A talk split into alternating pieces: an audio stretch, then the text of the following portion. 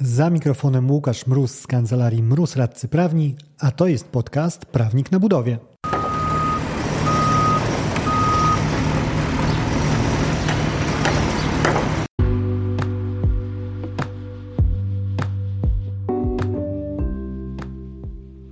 Prawnik na budowie. Podcast poświęcony wszystkiemu, co związane z budownictwem. Nazywam się Łukasz Mróz, jestem radcą prawnym i pomagam firmom budowlanym sprawnie prowadzić projekty. Zapraszam do kolejnego odcinka podcastu, w którym na warsztat trafia polski ryczałt. Czasami czarny sen wykonawcy, czasami euforia zamawiającego. Postaram się wyjaśnić dzisiaj, e, jakie są najistotniejsze elementy związane ze stosowaniem systemu ryczałtowego w budownictwie, e, stosując do tego bardzo, dobry, bardzo dobre źródło wiedzy, czyli wyroki sądów oraz Krajowej Izby Odwoławczej. Zapraszam do odsłuchania odcinka.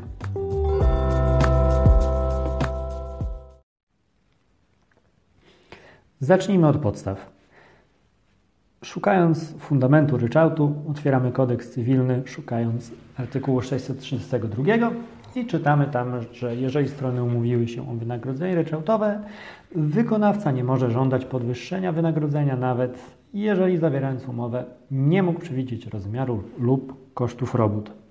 E, tytułem jeszcze wprowadzenia dodam, że przez e, dłuższy czas sądy zastanawiały się, czy ryczałt i przepisy go dotyczące mogą być stosowane do umowy o roboty budowlane, ponieważ znajdują się w regulacji poświęconej umowie o dzieło. Skracając ich, e, wieloletnie spory doszły do wniosku, że można i od ponad dekady właściwie już w pełni, w pełni prawnie operujemy sobie, korzystając z jednolitej już linii orzeczniczej na przepisach dotyczących ryczałtu, także e, w trakcie działań budowlanych. E, przechodząc do samej konstrukcji tego niezbyt szczęśliwego zjawiska, które wywołuje Według całkowicie wymyślonych przeze mnie statystyk 83% około spraw sądowych zawiera w sobie jakiś element kłótni o ryczałt. Na czym on polega? Posiłkując się pierwszym z całej serii wyroków, które dzisiaj będę przytaczał, ryczałt polega na umówieniu z góry wysokości wynagrodzenia w kwocie absolutnej przy wyraźnej albo dorozumianej zgodzie stron na to, że wykonawca nie będzie się domagać zapłaty wyższego wynagrodzenia. Ta sama zasada e, dotyczy inwestora przy ustalaniu, czy nie doszło nadpłaty z jego strony e, za, za pracę, których wykonawca nie wykonał. E, przy ustaleniu wysokości ryczałtu ryzyko powstania straty związanej z nieprzewidzianym wzrostem rozmiaru prac, czy też wzrostem kosztów robót obciąża wykonawcę. Strony, decydując się na wynagrodzenie ryczałtowe, muszą liczyć się z jego bezwzględnym i sztywnym, jak zdrowo nakrochmalony kołnierz, charakterem. Innymi słowy, wynagrodzenie ryczałtowe daje gwarancję zamawiającemu zapłaty umówionej kwoty. Tym samym nie ma prawnych podstaw do żądania przez wykonawcę umowy o roboty budowlane podwyższenia wynagrodzenia ustalonego w niej ryczałtowo z inwestorem. Istotą takiego wynagrodzenia jest ustalenie go z góry. Charakter okoliczności, z uwagi na które nie przewidziano rozmiaru lub kosztów prac, nie ma właściwie większego znaczenia a ryzyko nieuwzględnienia wszystkich prac wymaganych dla realizacji całości przedmiotu zamówienia, e, zgodnie z opisem tego przedmiotu dokonanym przez e, zamawiającego, jeżeli w formie dokumentacji projektowej, a jeżeli mamy e, zamawiającego publicznego, to również w przypadku bardziej szczegółowych dokumentów, takich jak specyfikacji technicznych wykonania odbioru robót czy przedmiarów. Całe to ryzyko spoczywa na, e, na wykonawcy.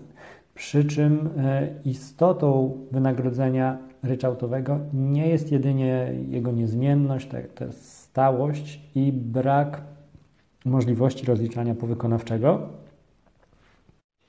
Chodzi właśnie w głównej mierze o ten e, nieszczęśliwy i budzący wiele wylanych łez rozkład ryzyk sprowadzający się do tego, że wykonawca w oparciu o przekazany mu e, zakres prac, który stanowi zazwyczaj taką ogólną charakterystykę, powinien dokonać analizy tego, czego musi się spodziewać i co wynika z tego zakresu i przewidując możliwe ryzyka, określić swoje całkowite wynagrodzenie, ponosząc przy tym odpowiedzialność za prawidłowość tej swojej wyceny i to, jak e, trafnie i wnikliwie zidentyfikował przedmiot zamówienia oraz to, co może czekać go na drodze pomiędzy otrzymaniem e, zestawu dokumentacji, a przeniesieniem tego, co jest w dokumentacji, w naturę poprzez e, stworzenie danego obiektu.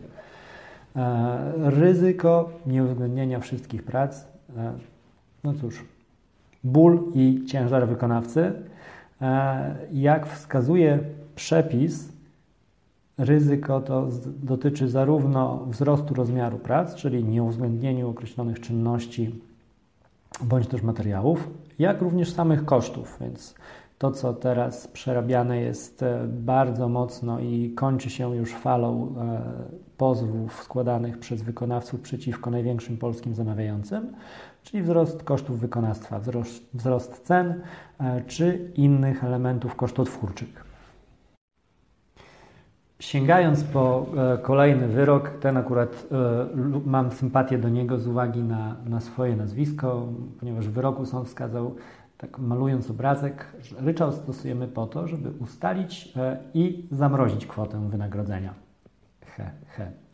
E, wynagrodzenie ryczałtowe ma właśnie dać gwarancję zamawiającemu, że to, co wpisał sobie na papierze, jest kwotą pełną i ostateczną, e, która z jego portfela wyjdzie w związku z realizacją danej inwestycji. E, zastrzega się też, że i często stosuje się e, w praktyce taki model nieco bardziej e, zbalansowany, czyli wprowadzamy właściwie ryczałt, jednak zastrzegamy możliwość jego modyfikacji w zależności od tego, czy zaistnieje konieczność wykonania robót dodatkowych, albo z drugiej strony zmniejszenie zakresu robót podstawowych. I tyle, jeżeli chodzi o, o zarys e, samego clue modelu ryczałtowego. E, jak na razie wydaje się e, dość, dość oczywiste i możemy teraz przejść do tego, co boli, czyli do tej zarzucanej ryczałtowi polskości.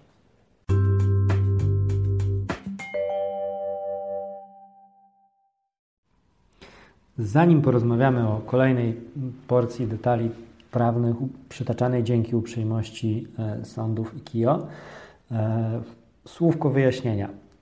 Osobiście nie jestem gorącym zwolennikiem operowania ryczałtami w budownictwie, w szczególności jeżeli chodzi o złożone, e, złożone projekty ciągnące się latami z zaprojektuj i wybuduj na czele według mnie, akceptując w pełni to, e, jak pociągający ten model bywa z punktu widzenia e, zamawiającego, e, nie przystaje on do warunków procesu budowlanego jako bardzo złożonego i no, właściwie obarczonego ilością ryzyk niemożliwą do stworzenia zamkniętego katalogu procesu.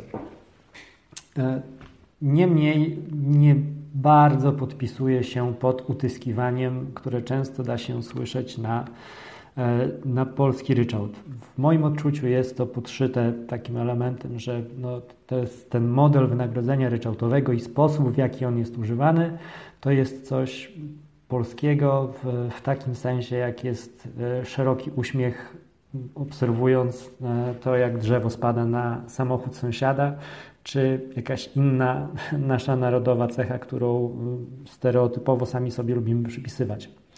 E, w moim odczuciu e, kształt ryczałtu jest już tak oklepany i jasny, że nie ma tutaj jakby wielkiej niespodzianki do pisania małym druczkiem, co się z nim wiąże. E, także nie jest to, właśnie zarzut polskiego ryczałtu pojawia się bardzo często w kontekście zamawiających publicznych. Jednak ja nie, nie zgodziłbym się z tym, że jest to jakaś tam specjalnie przez nich mroczna, tworzona mikstura rozliczeniowa, korzystają z tego, co, co mają w kodeksie cywilnym, więc jeżeli ktoś chciałby już szturmem sprowadzić ryczałt z, z padołu budowlanych rozwiązań, to sugeruję udać się pod adres, w którym zapadają decyzje co do tego, e, co znajdzie się w kodeksie cywilnym, czyli bardziej pod adresem ustawodawcy. E, kończąc tutaj już wracamy na ścieżkę e, konkretów. W czym upatruję się, upatruje sektor tej polskości zarzucanej ryczałtowi? Tak jak wskazałem wcześniej, ryczałt zakłada zapłatę za jednej kwoty za wszystkie czynności potrzebne do tego, żeby powstał obiekt, który mnie jako inwestora interesuje. Czyli jeżeli e, będąc wykonawcą nie pomyślałeś o jakiejś robocie, która będzie do zrobienia w ramach tego zadania, no niestety jest to Twój ból głowy zmniejszający rentowność. Z tego tytułu e, wynagrodzenie, które ustaliliśmy między sobą nie wzrośnie. Wykonawcy upatrują z tego takiego wniosku, że lustrzaną e, sytuacją, jakby wyważającą tutaj e, ryzyko przez ich korzyść, powinna być sytuacja, gdzie ok, mamy tą sztywną kwotę, nie dostanę więcej, jeżeli zrobię więcej, ale nie dostanę też mniej, jeżeli zrobię mniej. I to nijak się ma do konstrukcji ryczałtu, i tutaj właśnie jest duże niezrozumienie powodujące e, częstym e, skakaniem żyły na skroni e, i irytacją zrozumiałą, no bądź co bądź, ponieważ nie, nie jest przyjemnie dowiadywać się o tym, że projekt nagle leci, jeżeli chodzi o dochodowość. Niemniej, posiłkując się Sądem Najwyższym, w razie niewykonania przez przyjmującego zlecenie wszystkich robót za które w umowie określone zostało wynagrodzenie ryczałtowe, podlega ono proporcjonalnemu obniżeniu stosownie do zakresu niewykonanej części, co nie przekreśla ryczałtowego charakteru tego wynagrodzenia. Z kolei schodząc już na sąd, niższe instancje jeszcze dopełniając jakby ten obraz, e, Podobnie jak w przypadku niedopuszczalności żądania przez wykonawcę podwyższenia umówionego wynagrodzenia ryczałtowego w razie zmiany kosztów wykonania umówionych prac, tak samo zamawiający nie może domagać się obniżenia wynagrodzenia ryczałtowego tylko z tej przyczyny, że wykonanie umówionych prac okazało się tańsze, na przykład z powodu użycia tańszych materiałów lub surowców. I tu jest właśnie ten ekwiwalent, który e, w rozkładzie ryzyk dostaje wykonawca. Czyli jeżeli zrobisz mniej, drogi wykonawca, nie oznacza to, że widząc, że odpada Ci część e, zakresu robót, odpalasz szampana, bo właśnie wzrosła Ci marża e, na tym zakresie, wyniosła ona 100%, tylko te kosztorysy różnicujące i, i skreślanie z, z bólem serca wykonawcy kolejnych pozycji, które nie zostały wykonane przez, przez przedstawicieli zamawiającego, jest e, słuszny, jakby znajduje umocowanie w konstrukcji prawnej, a ten, e, ten ekwiwalent ryzyka, na który może liczyć wykonawca, to jest tylko i wyłącznie to, co zaoszczędzi realizując pracę.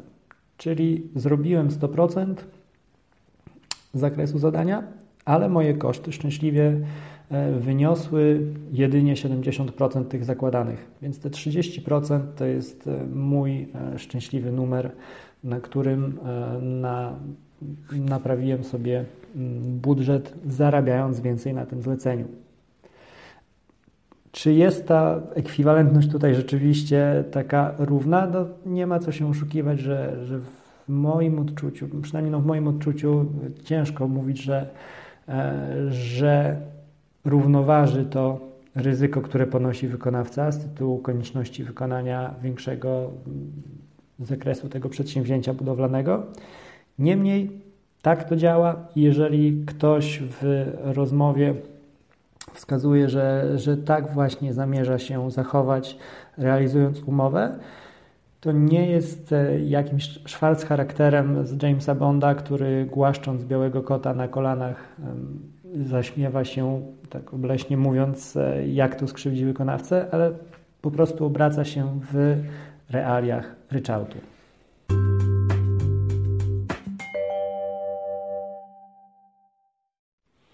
Mam nadzieję, że na tym etapie podcastu nie zostałem jedynie ja oraz przedstawiciele zamawiających. Drodzy wykonawcy, jeżeli jeszcze tam jesteście, nie odcinajcie się, naprawdę będę, obiecuję, że, że rzucimy też informacje korzystne z Waszego punktu widzenia. E, przejdźmy teraz do kwestii kluczowej dla ryczałtowych pieniędzy, e, czyli projektu i pojęcia robót dodatkowych, ponieważ te trzy kwestie idą właściwie ręka w rękę jak trzej muszkieterowie za swoich najlepszych lat. I e, czym właściwie są roboty dodatkowe? Ponieważ to pojęcie przewija się często i gęsto, Sąd Najwyższy stwierdził, że nie da się wypracować takiego abstrakcyjnego rozwiązania, które pozwoliłoby mm, stworzyć algorytm, jakiś szablon, po którego przystawieniu widzimy, o, rzeczywiście to będą roboty dodatkowe, e, ponieważ one zawsze będą zależne od tego, e, cóż mamy umówione jako przedmiot, e, przedmiot umowy a więc od dokumentacji projektowej i trzeba je, uwaga, będę używał łaciny, badać in casu w każdym przypadku w konkretnej sprawie. Niemniej sądy wskazywały takie kryteria pomocnicze, kiedy można mówić o, o tym, że coś stanowi e, roboty dodatkowe. Jeden z sądów apelacyjnych wskazał na przykład, wychodząc z, z tego, że e, ubieganie się o dodatkowe jakiekolwiek pieniądze w ryczałcie musi być bardzo ściśle pojmowane, e, przyjął, że są takie trzy elementy, które powinny zaistnieć, żebyśmy mogli mówić o robotach dodatkowych. E, po pierwsze, te prace muszą wykraczać poza zakres robót umówionych. Po drugie, muszą być niezbędne dla właściwego wykonania umowy. I po trzecie, realizacji ich nie można było przewidzieć w czasie, kiedy strony kształtowały wynagrodzenie jako e, ryczałtowe. Że tutaj jest taka podpowiedź orzecznicza, mm, mimo że nie ma, tak jak mówiłem, jakiegoś e, uniwersalnego szablonu, który pozwala weryfikować, e, no to są jakieś powtarzające się elementy, które na pewno będą dobrym punktem wyjścia do rozważania, czy rzeczywiście mówimy o robotach dodatkowych. Jeżeli chodzi o projekt, który determinuje nam całe rozmowy e, o, o wynagrodzeniu dodatkowym, warto też e, wskazać na przypadki, które dotoczyły się nawet niejednokrotnie do Sądu Najwyższego, e, czyli zmiana projektu budowlanego. Bo wydawać by się mogło, że ok, no kiedy jak kiedy, ale jeżeli już zmieniamy projekt, no to robimy coś, czego nie było w umowie. Sąd Najwyższy patrzy na to nieco bardziej drobiazgowo i w dwóch swoich wyrokach e, przyjął, że nieistotne zmiany, e, które zamawiający wprowadza do projektu budowlanego, nie stanowią zmiany przedmiotu zamówienia.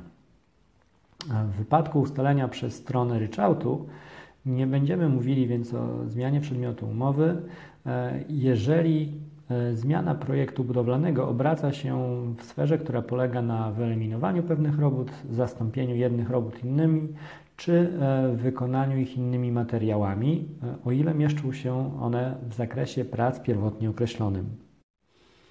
Tutaj znowu widać tę, tą wracającą myśl na, we wszystkich właściwie orzeczeniczych przypadkach, E, że jeżeli mówimy o wynagrodzeniu dodatkowym w ryczałcie, to musimy operować e, pracami, które są niezwiązane z przedmiotem umowy albo nie mieszczą się w zakresie rzeczowym łączącego nas stosunku prawnego. E, ponieważ popełniłem stosunek prawny, czuję się zobowiązany, żeby nadgonić to jakimś bardziej konkretnym, związanym z ziemią przy, przykładem. E, więc wskoczmy na zamówienie dodatkowe e, w robotach publicznych, gdzie sąd wskazał ogólnikowo że przedmiotem nie może być, przedmiot takiego zamówienia nie może być objęty zakresem zamówienia podstawowego i to pomimo, że powinien być niezbędny dla prawidłowej realizacji zamówienia. I to akurat sąd popełnił na przypadku zmiany technologii wykonania prac ziemnych w terenie górzystym, gdzie doszedł do wniosku, że nie stanowi wykonania innego przedmiotu umowy o roboty budowlane polegającej na wykonaniu kanalizacji sanitarnej. Ponieważ w ocenie sądu tutaj nie mówimy e, o zmianie e, przedmiotu umowy, a jedynie o modyfikacji technologii, która sama w sobie zmianą umowy e, łączącej strony nie jest. Przy weryfikacji e, statusu danych robót jako dodatkowych e, bądź też wchodzących w zakres podstawowy, też ślepą uliczką jest poprzestanie e, takie proste na odniesieniu się do wartości tych robót, do ogółu zamówienia. Sam fakt, że coś jest mocno droższe e, niż zakładaliśmy, z automatu nie będzie przesądzał o tym, e, że mamy tu do czynienia z czymś, co nie jest objęte umową i w związku z tym powinno być e, dodatkowo wypłacane. To nawet wprost wskazuje się na wokandzie sądowej, że nie są robotami dodatkowymi prace w istocie w umowie przewidziane, których rozmiar okazał się większy po zawarciu umowy czyli klasyczne sytuacje prezentów w postaci e, niedoszacowanych zakresów, gdzie okazuje się, że nagle do wykonania jest nieporównywalnie e,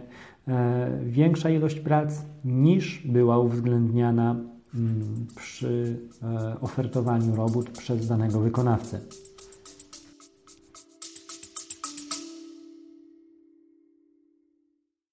Wracam na trasę szkoleniową. Z Akademią Kontraktów Budowlanych, czyli swoim autorskim szkoleniem, odwiedzę cztery miasta.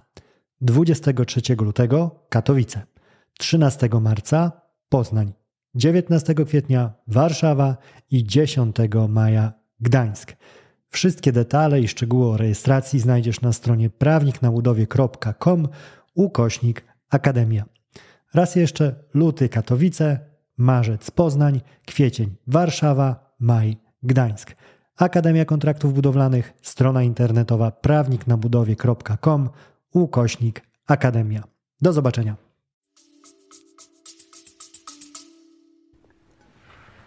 Znowu czuję, że troszkę idziemy w kierunku wykładu akademickiego, także e, dla rozluźnienia zwojów mózgowych kolejny konkretny przykład z, z wokandy sądowej, gdzie strony spierały się o wykonanie okien.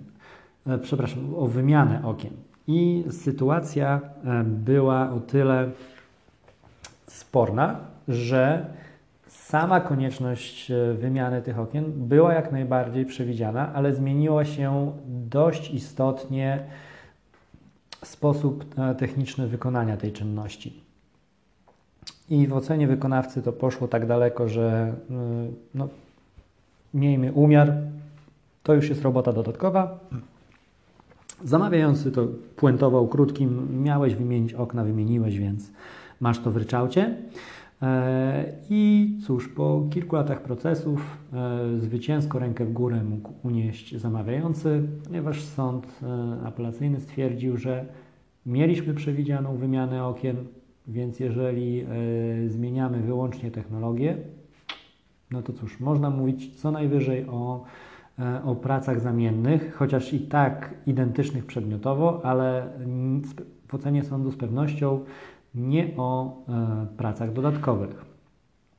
I żeby zakończyć e, bardziej pozytywnym akcentem dla wykonawców, powoli wchodząc w obiecany jaśniejszy, jaśniejszą część tego odcinka, dwa wyroki, które troszkę no, wyważają e, rozmiar tego ryzyka. Zaczynając od, od pierwszego, e, dla zastosowania wynagrodzenia ryczałtowego decydujące znaczenie ma ustalenie, czy zakres wykonanych robót był zgodny z zakresem przedmiotu umowy, za które ustaliliśmy ten ryczałt. No, czyli e, obracamy się wokół tego, że ok, wszystko jest w ryczałcie, ale tylko wszystko to, na co się umówiliśmy do wykonania. Nie mam obowiązku wyczarować Ci nagle pałacu, kiedy przedmiotem naszej umowy był zwykły garaż do parkowania starego Matiza, którego trzyma z sentymentu jako swoje pierwsze auto.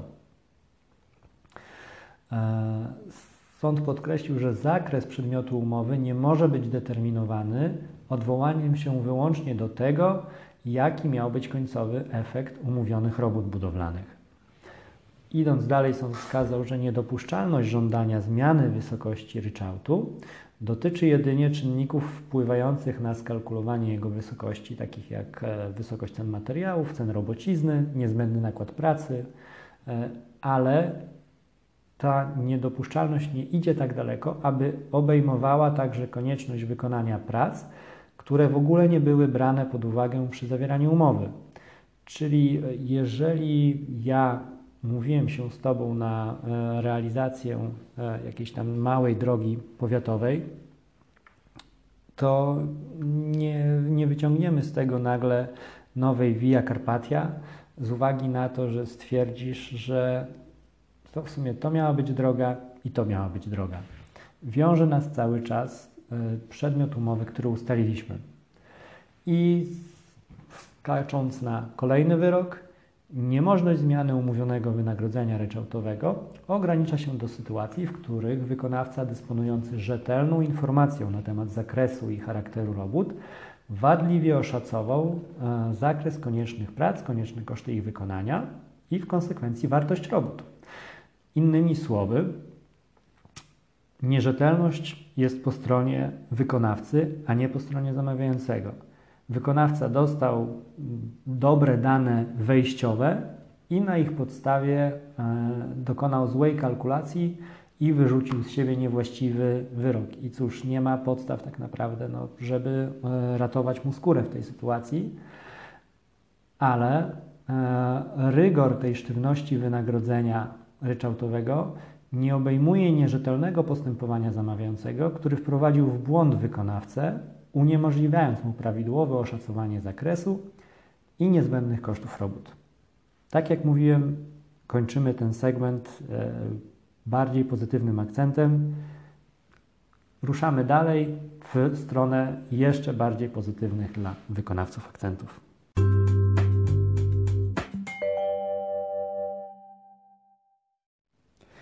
Zanim jednak o tym, e, szybka wrzutka na temat znaczenia w kontekście ryczałtu dokumentów e, dodatkowych, takiej nazwijmy, którymi strony operują przy, e, przy kontraktowaniu e, umów budowlanych ryczałtowych. Wskazano wielokrotnie w, w orzecznictwie sądowym, że dokumenty takie jak kosztorysy nie mają, nie mają większego znaczenia przy ryczałcie, one właściwie mogą być traktowane jako uzasadnienie kwoty ryczałtu, czyli coś, gdzie wykonawca pokazuje, że e, cóż, drogi inwestorze, nie rzucam tej, mm, tej liczby w wyniku tego, że poprosiłem mm, dzieci, żeby zapisały w kolejności kilka swoich ulubionych liczb, tylko moja kalkulacja wynika e, z takiego i z takiego e, zestawienia. Dlatego no, mm, kosztorysy ofertowe nie są w jakikolwiek sposób kluczowy z punktu widzenia e, ryczałtu i konsekwencją też ustalenia ryczałtu jest to, że podstawą rozliczenia e, wypłacanego wynagrodzenia e, nie może być kosztorys. Podobnie co do innego popularnego w przypadku sporów o wynagrodzenie ryczałtowe dokumentu, czyli przedmiaru robót, E, sądy wypowiadają się, że to też jest e, taki pomocniczy, bardziej kompas niż coś, co mocno wiąże ręce. E, chociażby cytując jeden z wyroków, zawarte w przedmiarze robót zestawienia mają zobrazować skalę roboty budowlanej i pomóc wykonawcom w oszacowaniu kosztów inwestycji, wobec czego przedmiarowi robót należy przypisać charakter dokumentu pomocniczego. Taka krótka wrzutka e, na temat dokumentów e, i praktyka sądowa pokazuje jednoznacznie, że e, te tego rodzaju papiery, które pojawiały się w związku z, z zawieraniem i wykonywaniem umowy, nie są punktem zaczepienia, który daje duże szanse na mm, korzystne mm, konsekwencje dla wykonawcy.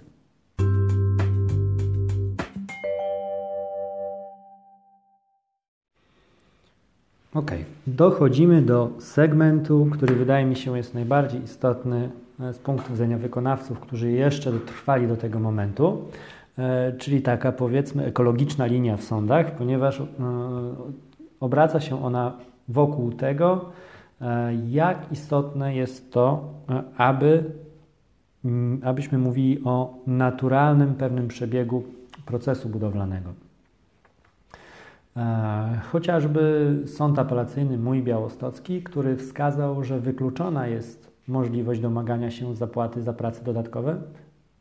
Owszem, ale wtedy, gdy te prace są naturalną konsekwencją procesu budowlanego i w naturalny sposób z niego wynikają.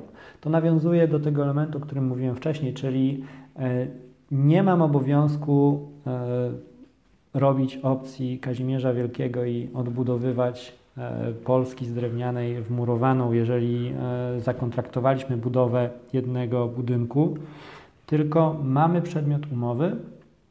Jeżeli mówimy o jakichś pracach, które właśnie są naturalną konsekwencją procesu budowlanego i w naturalny sposób z niego wynikają, ok, to jest moje ryzyko, jeżeli ich nie przewidziałem, wykonam je na swój koszt, ale w momencie, kiedy wychodzimy po ten zakres, po, poza ten zakres budowlanej naturalności, tak to nazwijmy, to już, e, cóż, jak najbardziej zasadna jest rozmowa o pracach dodatkowych. E, nawet krok dalej poszedł inny sąd, wskazując, że tylko prace wynikające z umowy i dające się przewidzieć do wykonania w chwili e, kalkulowania ceny z oferty i zawierania umowy mogą być uznane za objęte ryczałtem.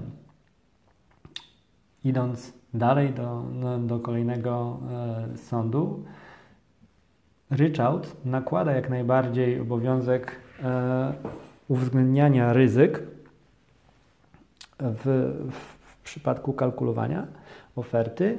Niemniej e, sąd właśnie znowu mój białostocki wskazał, że e, te nałożenie ciężaru uwzględnienia w kalkulacjach ofertowych czynników, których nie można wykluczyć w każdym procesie inwestycyjnym, to dotyczy właśnie tu słowo klucz tych czynników, których nie można wykluczyć w każdym procesie inwestycyjnym. I tutaj tytułem przykładu pojawiła się pogoda, drobne błędy czy niejasności dokumentacji projektowej albo kolizje e, prac innego wykonawcy. I to zakładam jest zakres, co do którego poczuwają się jak najbardziej e, wykonawcy i on nie jest właśnie sporny, ale raz jeszcze, słowo klucz to mówimy o czynnikach, których nie można e, wykluczyć w każdym procesie inwestycyjnym. I tutaj te przykłady też właśnie pokazują, że nie mówimy tutaj o hordzie dzikich jednorożcy, które pojawiają się na placu budowy, ale o drobnych błędach dokumentacji czy kolizji z robotami innego e, wykonawcy.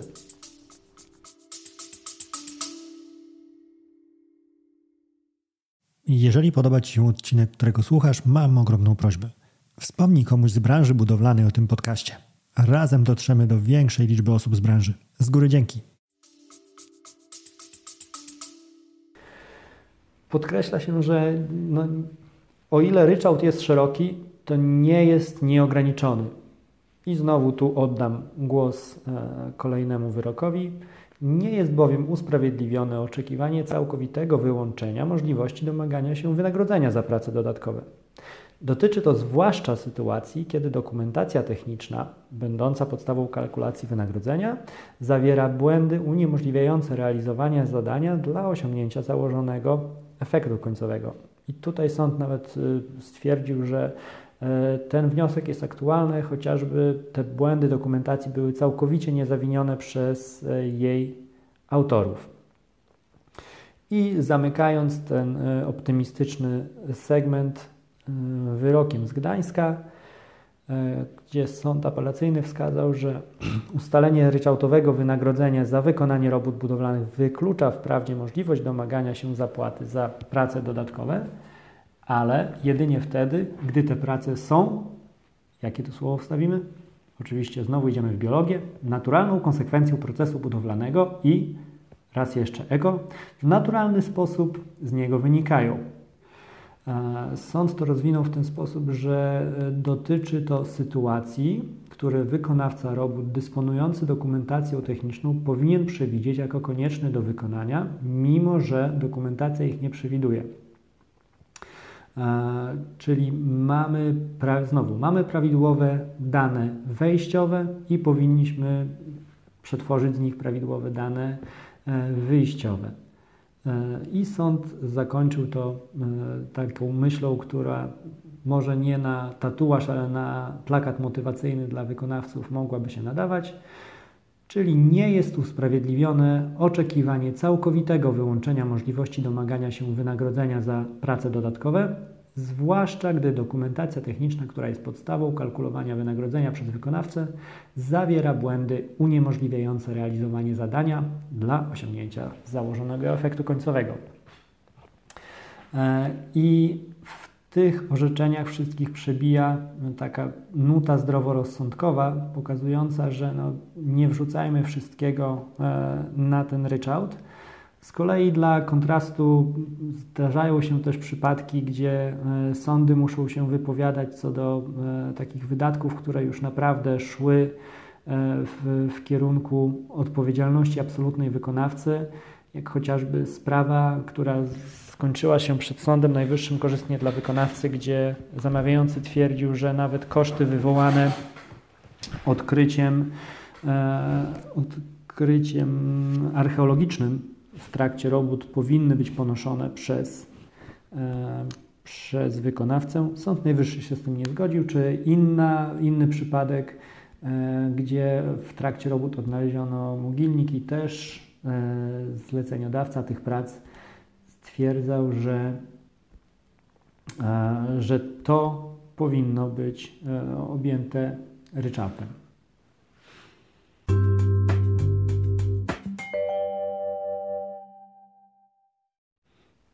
I ostatni już element, który chciałbym poruszyć w tym e, przydługim i przyprawnikowanym odcinku, e, czyli specyfika zamówień publicznych, ponieważ dość znacznym, e, znacznym elementem składa, wpływającym na spory z zamawiającymi publicznymi jest to, że w zamówieniach publicznych mamy dość mocno zinstytucjonalizowany sam, same wymogi co do opisywania przedmiotu zamówienia.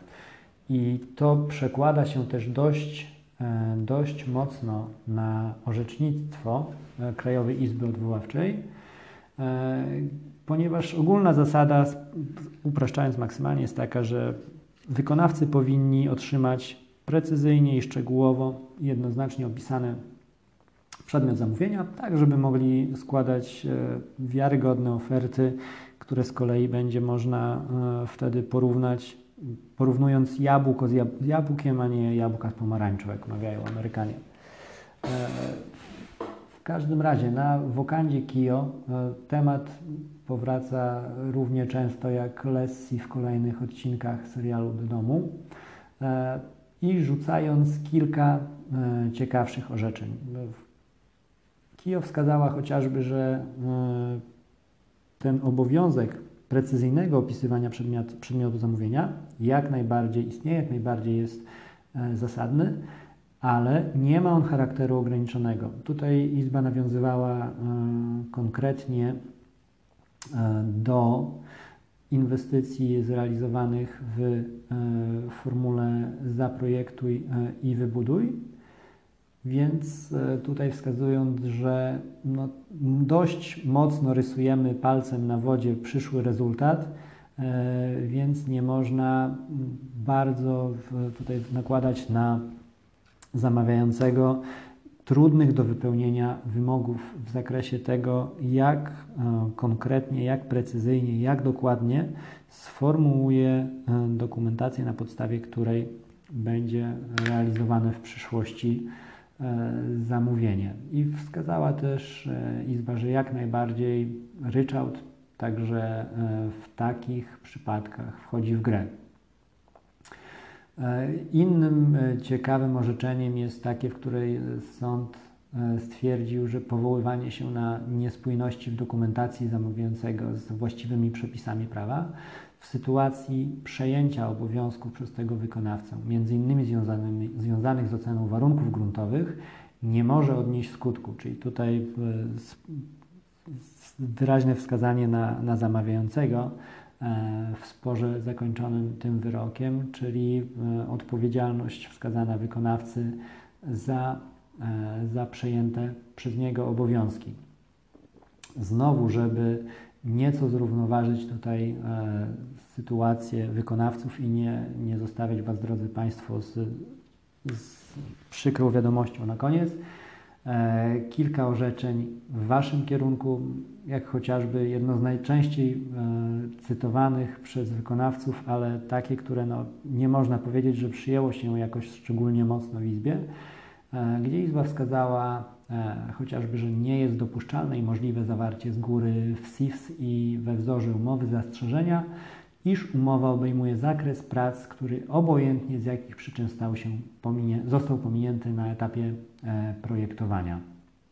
Lub też obejmuje bez obustronnego porozumienia zakres wszelkich prac dodatkowych czy zamiennych wynikających z ujawnionych w trakcie budowy wad projektu oraz wynikających ze znacząco odmiennych warunków geologiczno-gruntowych niż zakładane przy opracowaniu dokumentacji projektowej.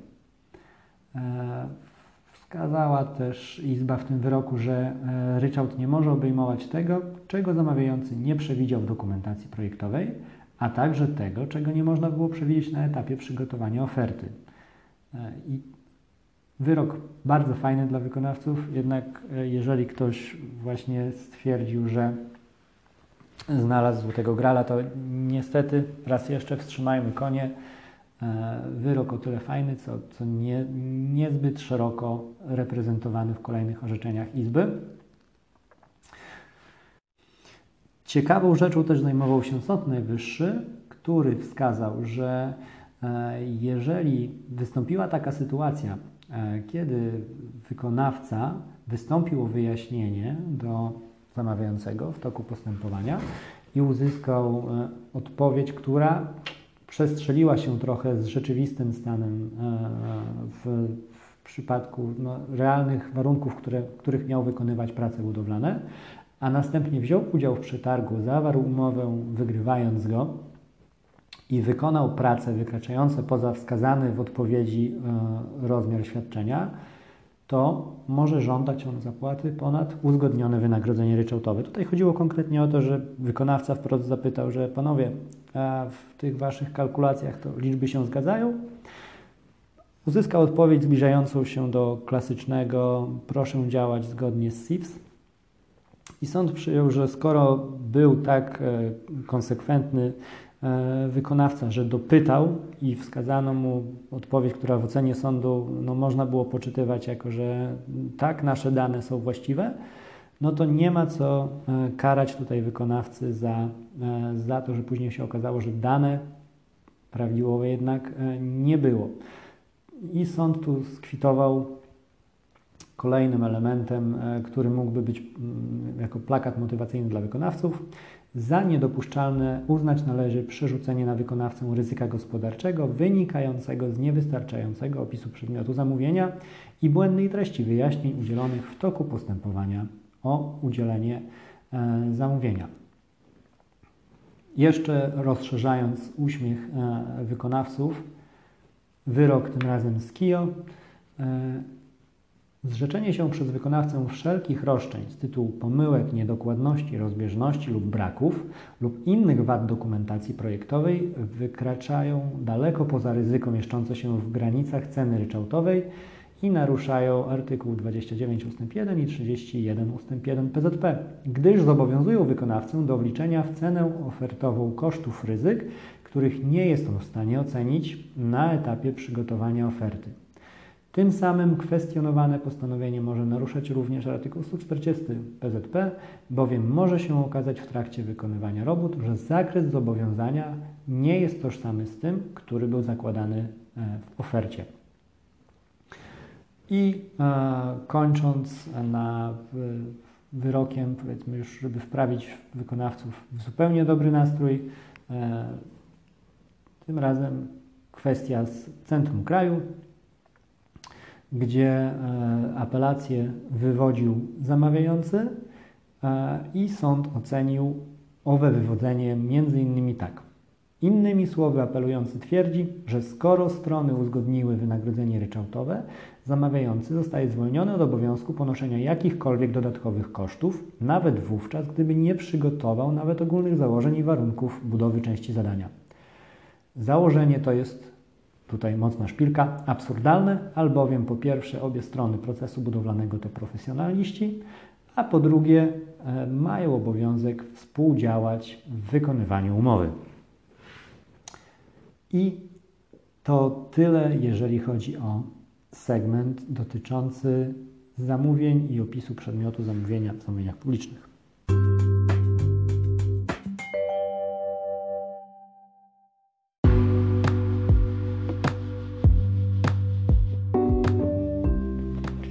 Dziękuję za wytrwałość we wspólnym przebrnięciu przez ten przegląd orzeczniczy.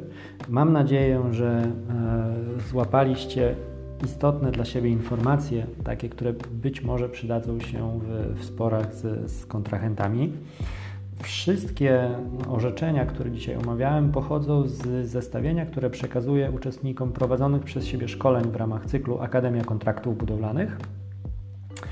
Z tego miejsca bardzo serdecznie zapraszam do, do udziału w tych szkoleniach. Najbliższe odbędzie się 18 e, października w Łodzi, a kolejne 25 października w Warszawie. Szkolenia prowadzone są właściwie na terenie e, całego kraju i potrwają aż do e, wiosny przyszłego roku. Pełną mapę szkoleń znajdziecie na stronie kancelariamroz.pl klikając w, w, pod stronę Akademia Kontraktów Budowlanych.